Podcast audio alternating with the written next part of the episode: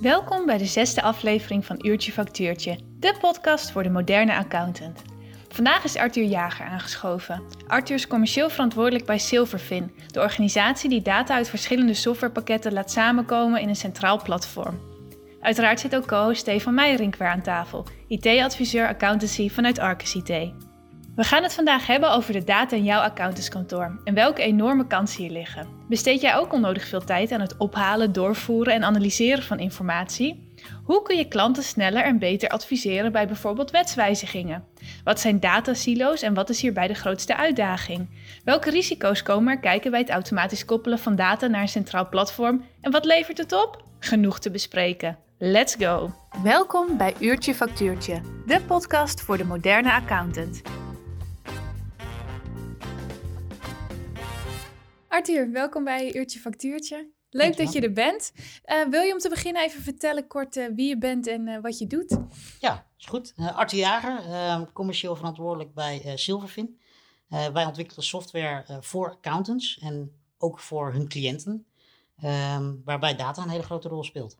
Leuk. En wat doen jullie met die data? Wat, wat gebeurt er allemaal mee? nou ja, wij ontsluiten ongestructureerde data uit diverse pakketten. Uh, primair is dat uh, de boekhouding, maar niet gelimiteerd aan de boekhouding. Uh, en die zetten we eigenlijk op een gestandardiseerde, gestructureerde wijze op een centraal platform. en vervolgens gaan we daar een aantal dingen mee doen. in, in de eerste zin is dat vooral het feit dat heel veel accountants vandaag de dag voor hun processen en ook hun compliance processen een aantal verschillende tools, datasilo's hebben. Daar zit vaak heel veel data in die niet met elkaar communiceert. Uh, waarvan wij dat eigenlijk samenbrengen, de processen harmoniseren. En dan heel concreet uh, de jaarrekeningen bijvoorbeeld. Uh, tussentijdse cijfers die vaak in een aparte tool zitten. en ook volledig geïntegreerd met een stukje communicatie. wat eigenlijk ook vaak in een losse portal zit. en ten tweede, wij doen veel meer met de data. Doordat we die data ook echt kunnen structureren. kunnen we daar ook echt een stukje analyse op loslaten. Een stukje interpretatie van doen. dat voor de accountant heel belangrijk is, maar ook voor de, de cliënt waar de accountant voor verantwoordelijk is. En hoe werkt dat een beetje in de praktijk? Want dat klinkt natuurlijk allemaal goed, maar kun je, kun je een praktisch voorbeeld noemen? Uh, ja, uh, nou ja, ik denk in de actualiteit. Uh, Prinsjesdag is natuurlijk geweest deze week. Daar zijn weer een aantal wetsvoorstellen, een aantal wetswijzigingen in aangekondigd. En wat wij over het algemeen horen van accountants, um, zeker als zij heel veel verschillende boekhoudpakketten hebben, enorme volume aan administraties hebben, dat zij eigenlijk de moeite hebben om echt te kunnen inschatten voor welke klanten van ons heeft dat nou daadwerkelijk een impact? En accountants die kennen, als het goed is, hun, hun cliënten heel goed. Um, alleen wij horen wel dat daar dan soms toch wel weer uh, bepaalde klanten tussen uh, wal en schip raken. Omdat het toch gewoon heel moeilijk is om zo'n grote berg aan data echt te interpreteren. En dan ja, kijken ze nu naar een dashboard en dan, wat zien ze dan voorbij komen? Wat is het verschil? Uh, dat ligt er maar net aan hoe, hoe, ze, daar, hoe ze met de data om willen gaan. Um, die data is natuurlijk gestructureerd vastgelegd, primair. Um, maar dat, het ligt er maar net aan wat ze ermee willen doen. Ook met bijvoorbeeld het, het voorbeeld van Prinsjesdag. Daar komen een aantal consequenties uit die nou ja, meezitten voor ondernemers of misschien ook tegenzitten in de kosten die ze draaien of de belasting die zij meer of minder moeten betalen. Nou ja, in het jaar 2020 wordt natuurlijk zoveel mogelijk de ondernemer ontzien. Um, waarbij daar ook, ja, dat heeft een impact uh, in, in de gezondheid, in de financiële gezondheid van ondernemers. Um, en ja, uh, bijvoorbeeld de VPB, daar is een aanpassing in geweest, de vennootschapsbelasting. Uh, en dat is ook weer iets wat een impact heeft voor die ondernemers. Alleen het is heel moeilijk voor heel veel kantoren om dan te kunnen signaleren voor welke klanten heeft dat een impact. Heeft natuurlijk te maken met hoeveel omzet draait een klant om daar wel of geen gebruik van te mogen maken. En dat is echt ja, een stukje data ownership wat wij accountants willen geven. En, en hoe, hoe deden accountants dan dat eigenlijk voor de tijd van Silverfin. Hè? Ik probeer me dat daar even te verplaatsen. Ik denk, toen gaven ze ook al adviezen. Uh, toen gingen ze ook heel erg in op de ontwikkeling. Waar, zie je het grootste verschil dan? Of wat, is het? Is het sneller? Is het... Ja, concreet inderdaad is het een, stukje tijdwinst die je pakt.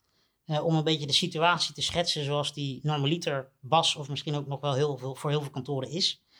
Um, op het moment dat er een, een wetswijziging komt, um, moeten we eigenlijk op administratieniveau echt gaan controleren. Voldoet deze klant daar wel of niet aan? Komt deze klant daar wel of niet voor in aanmerking? Um, en ja, wij krijgen ook echt gewoon kantoren bij ons die echt met de hand in het haar zitten. 10.000 administraties verdeeld over 15 boekhoudpakketten. Eh, en die, die weten gewoon niet waar ze moeten beginnen. Die zien Ja. tussen de bomen het bos niet meer, of door de bomen het bos niet meer. Ehm, en dat is, eh, ja, omdat dat allemaal op die losse pakketten zit, erg ongestructureerd is. eh, en ook een enorme afhankelijkheid creëert vanaf ja, eh, de administratiepakketten en de boekhoudpakketten die er in de omgeving zijn.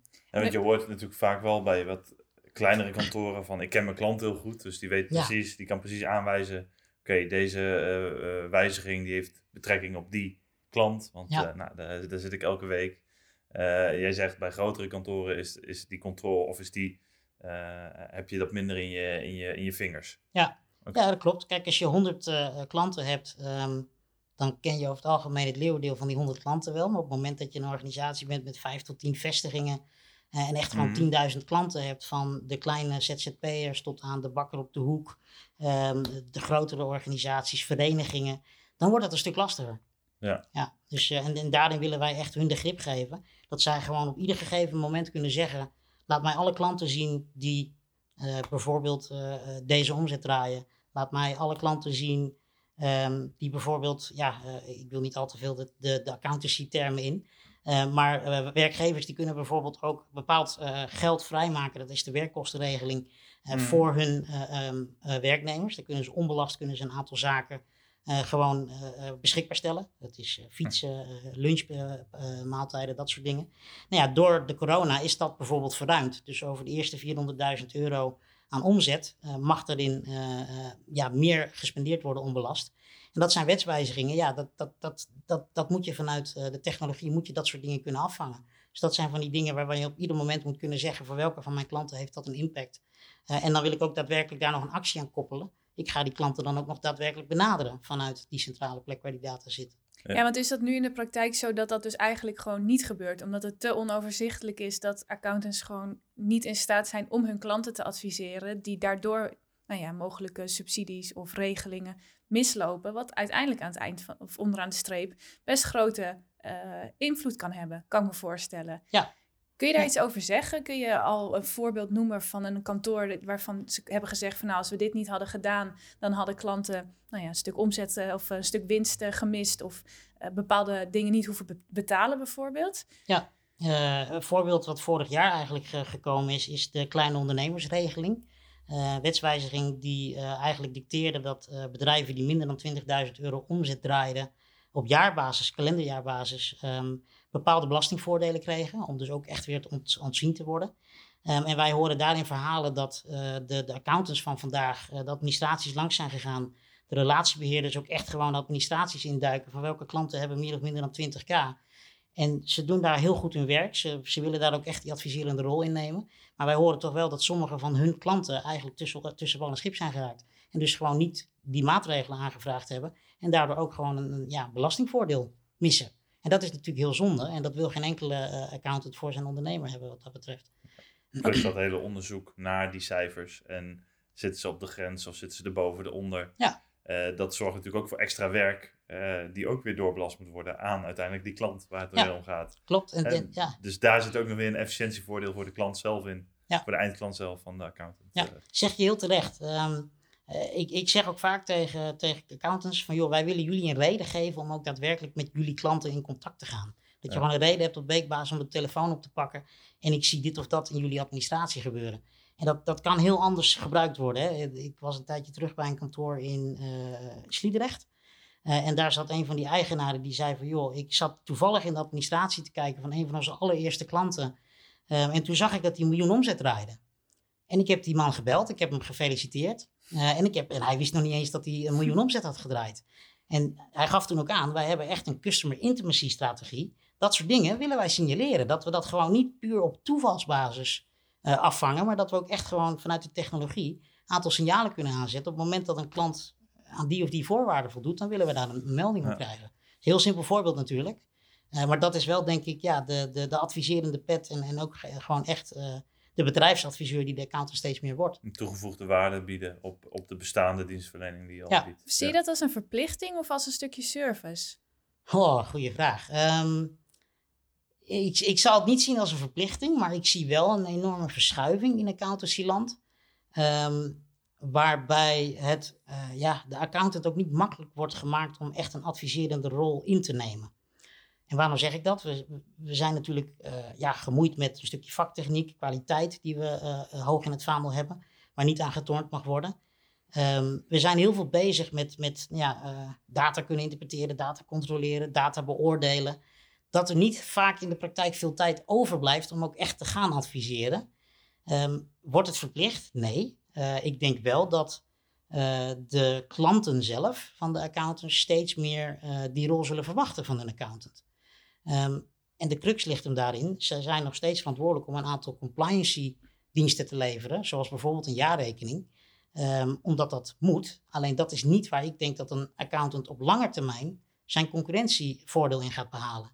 Uh, en daarin zie ik ook echt wel een, een, een splitsing nu in accountancy-landschap met een aantal kantoren die um, echt na denken zijn over wat, wat is onze visie voor hoe onze klant uh, ons ervaart. Hoe makkelijk of moeilijk is het voor onze klant om ons te bereiken? Uh, welke inzichten kunnen we onze klant geven? Uh, en, en, en ja, dat is één kant van de medaille. er is ook een andere stroming van accountants die toch nog in de waan van de dag heel veel met de traditionele processen bezig zijn. Uh, maar ik denk wel dat op langere termijn, als de kostprijs voor bijvoorbeeld een jaarrekening lager is, doordat je dat technologisch gewoon qua data goed inricht, dan gaat dat, dat soort kantoren in de toekomst wel enorm veel uh, de wind in de zeilen zetten.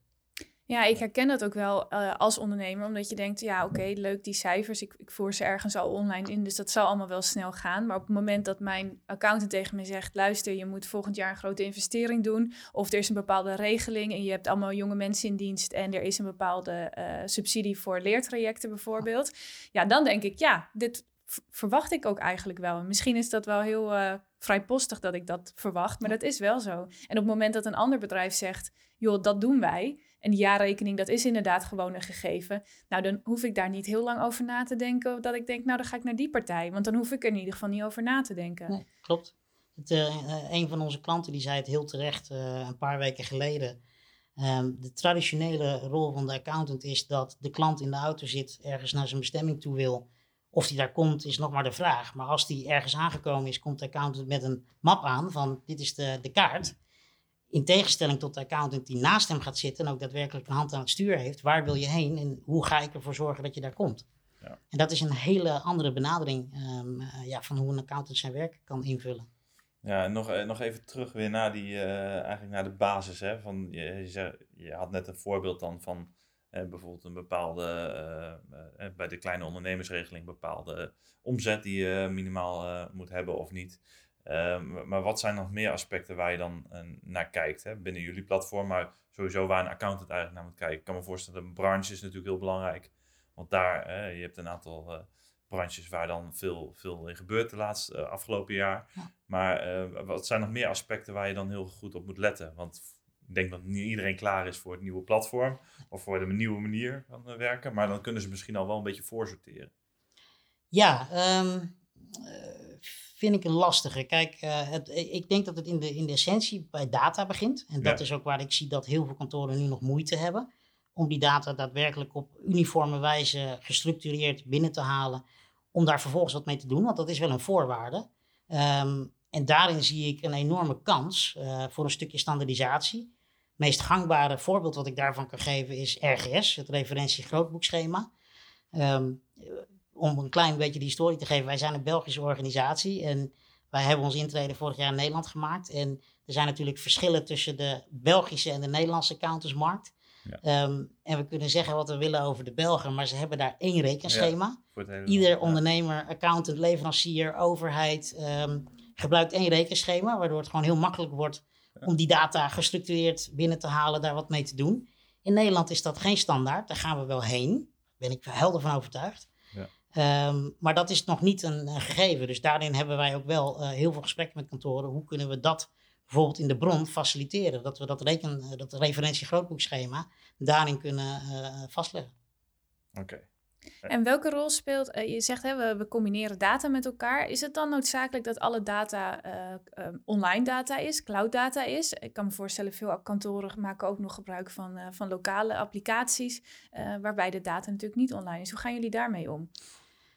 ja, dat is inderdaad een, een goede. Dat, um, wij merken ook, ja, er zijn, er zijn natuurlijk heel veel pakketten die steeds meer inderdaad richting de cloud gaan. Je hebt ook nog steeds heel veel pakketten en dat is niet alleen voor de administratie en de boekhouding, ehm, maar die ook nog on-premise zijn, die echt lokaal draaien. Ehm, wij willen altijd, dat is onze intentie altijd, wij, hebben, we zijn een open platform, wij hebben data nodig om daadwerkelijk waarde te kunnen toevoegen voor een accountant en zijn ondernemer.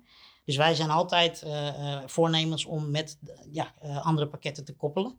Daarbij koppelen wij natuurlijk het liefst wel gewoon met cloudpakketten. Um, want je kan over historische cijfers en data kan je wel bepaalde conclusies trekken, maar daar heb je heel veel data voor nodig.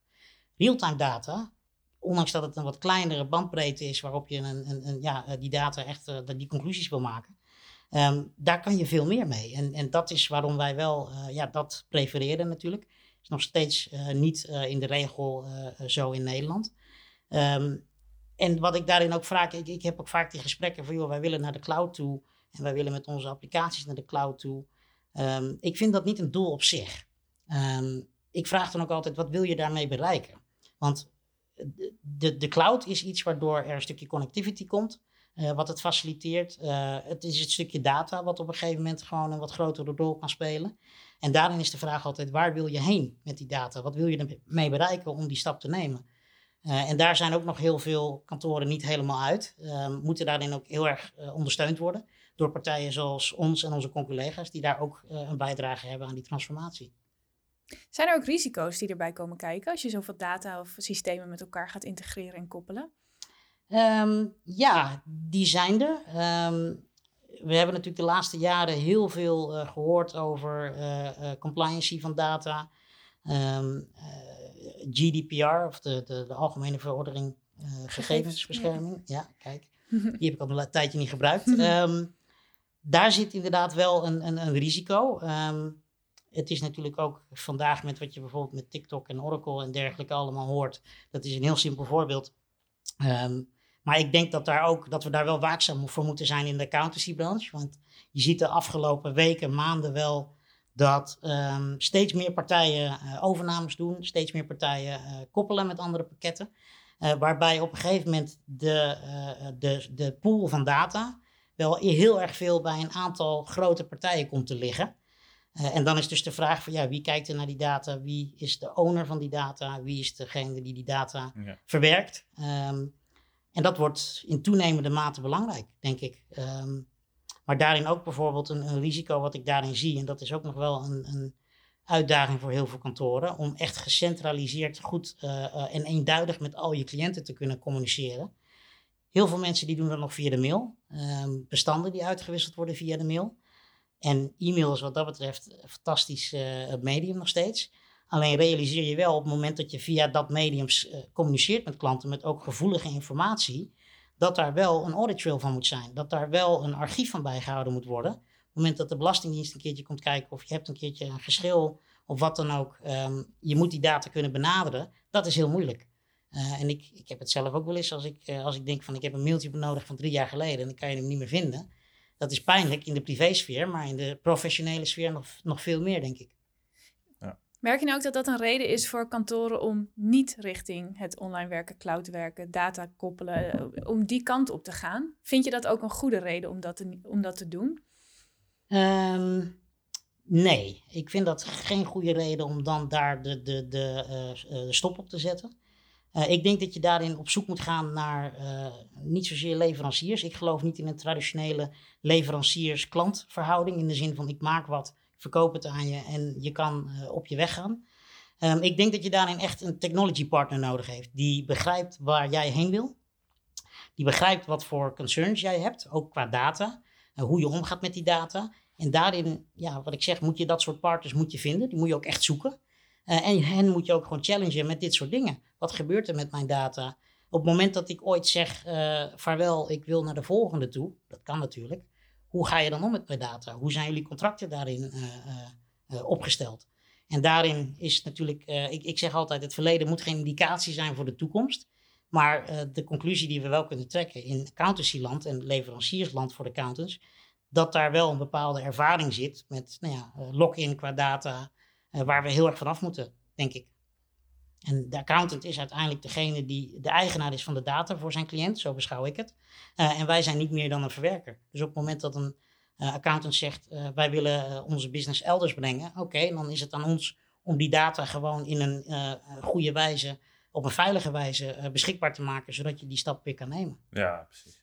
En, en als je nu kijkt naar die real-time data die jullie eigenlijk verwerken en die jullie zien. En hoe, hoe, zie je dat nou voor de toekomst? Hè? als je nou kijkt naar die stip op de horizon. Jullie zijn al heel erg voortstrevend met real-time informatie. Zoveel mogelijk data overal wegplukken. Uh, hoe, hoe, kijk je daar naar de toekomst? Is, is, is dit hoe het de komende jaren gaat zijn? Of gaat het hier echt helemaal naartoe? Of ja, zie je daar nog verder ontwikkelingen in? Uh, dat is een, natuurlijk een hele brede vraag. Wel een terechte vraag die heel veel mensen zichzelf stellen. Uh, wij hebben geprobeerd om uh, de reis van een accountantskantoor ehm, van daadwerkelijk een accountantskantoor naar een full-service adviserende dienstverlener. Um, hebben wij geprobeerd om heel behapbaar te maken, waarbij we dus ook hebben gezegd wat zijn de diverse fases van volwassenheid uh, van een uh, accountant richting nou ja, die dienstverlener. Um, dat begint bij data, dat komt daarna met een stukje procesbenadering. Hoe ga ik mijn processen goed inrichten? Um, maar dat, de stip op de horizon daarin is echt wel een stukje voorspellende intelligentie. Dat we historische data, real-time data samen gewoon gaan bekijken, interpreteren en daar ook een aantal uh, acties uit laten komen, een aantal conclusies uit kunnen trekken die gewoon uh, van toepassing zijn voor de ondernemer en de ambities die die ondernemer heeft. Kun je daar een voorbeeld van noemen? Uh, ja, absoluut. Um, je hoort natuurlijk heel veel over machine learning, artificial intelligence. Um, dat zijn, ja, blockchain is er bijvoorbeeld ook eentje. Ondanks dat de perceptie van blockchain wel uh, een bepaalde uh, ja, klap gehad heeft uh, in het belang van de, of tenminste in, in de ogen van de, de samenleving. maar ook een stukje machine learning. Kijk, als een accountant tien keer zijn werk doet, dan leert hij daarvan. Net zo goed is de technologie op een niveau aan het komen dat naarmate een, een, een, oplossing, een stukje technologie. Ja, ja, een bepaalde, inderdaad. En, en dat is het mooie ervan. Dat is iets wat wij als mensen kunnen, maar niet tot dat niveau je kan zoveel berekeningen maken op basis van wat je weet in het verleden en, en, en wat je daadwerkelijk nu doet. En dan ook nog richting de toekomst. Wat is het gevolg geweest van die beslissing die ik als technologie gemaakt heb? Uh, en daar ga ik op een gegeven moment mijn besluitvorming in aanpassen. Uh, en ook het stukje waar ik het net over had met nou ja, dat referenties grootboekschema. Dat is een hele grote uitdaging om echt een administratie in de bron op RGS te krijgen. Uh, daar kan gewoon echt een, een uur per administratie aan um, uh, gespendeerd worden. Ja. Wij zijn nu ook in, in gesprek met een partij die dus daar uh, die intelligentie in brengt. Die dus daadwerkelijk rekeningen kan matchen.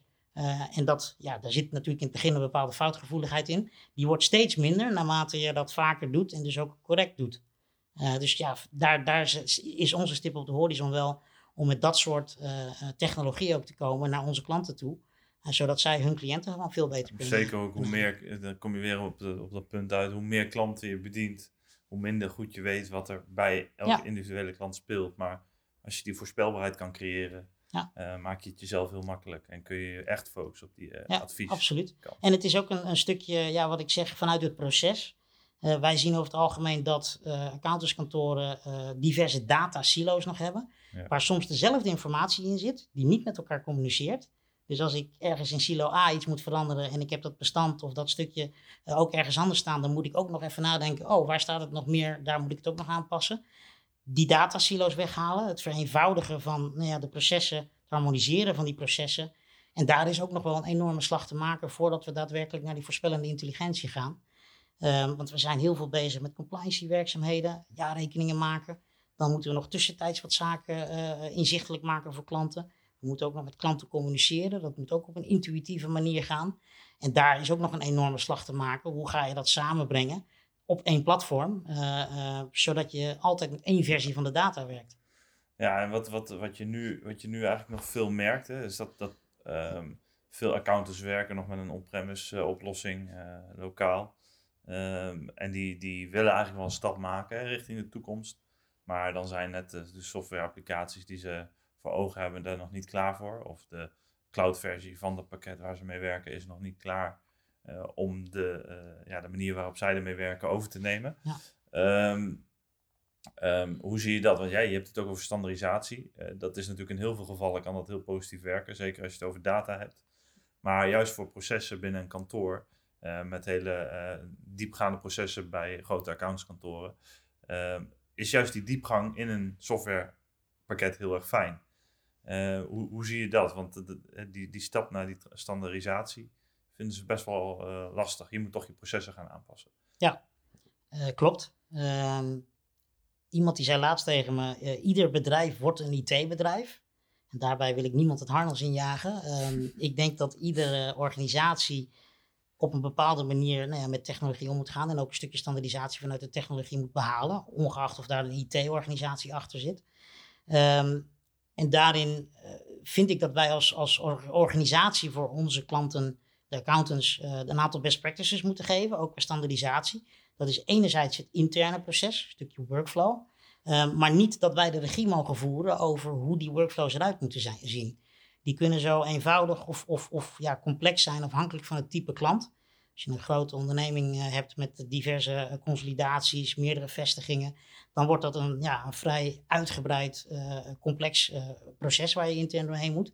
Maar wij moeten wel hun de tools aanreiken om daadwerkelijk dat in te kunnen vullen volgens hun eigen kantoorspecifieke ja, ervaring en, en, en, proces. En dat geldt ook voor de rapportage die er naar een klant toe gaat. Ehm, het is niet aan mij om dat te bepalen hoe dat eruit moet zien.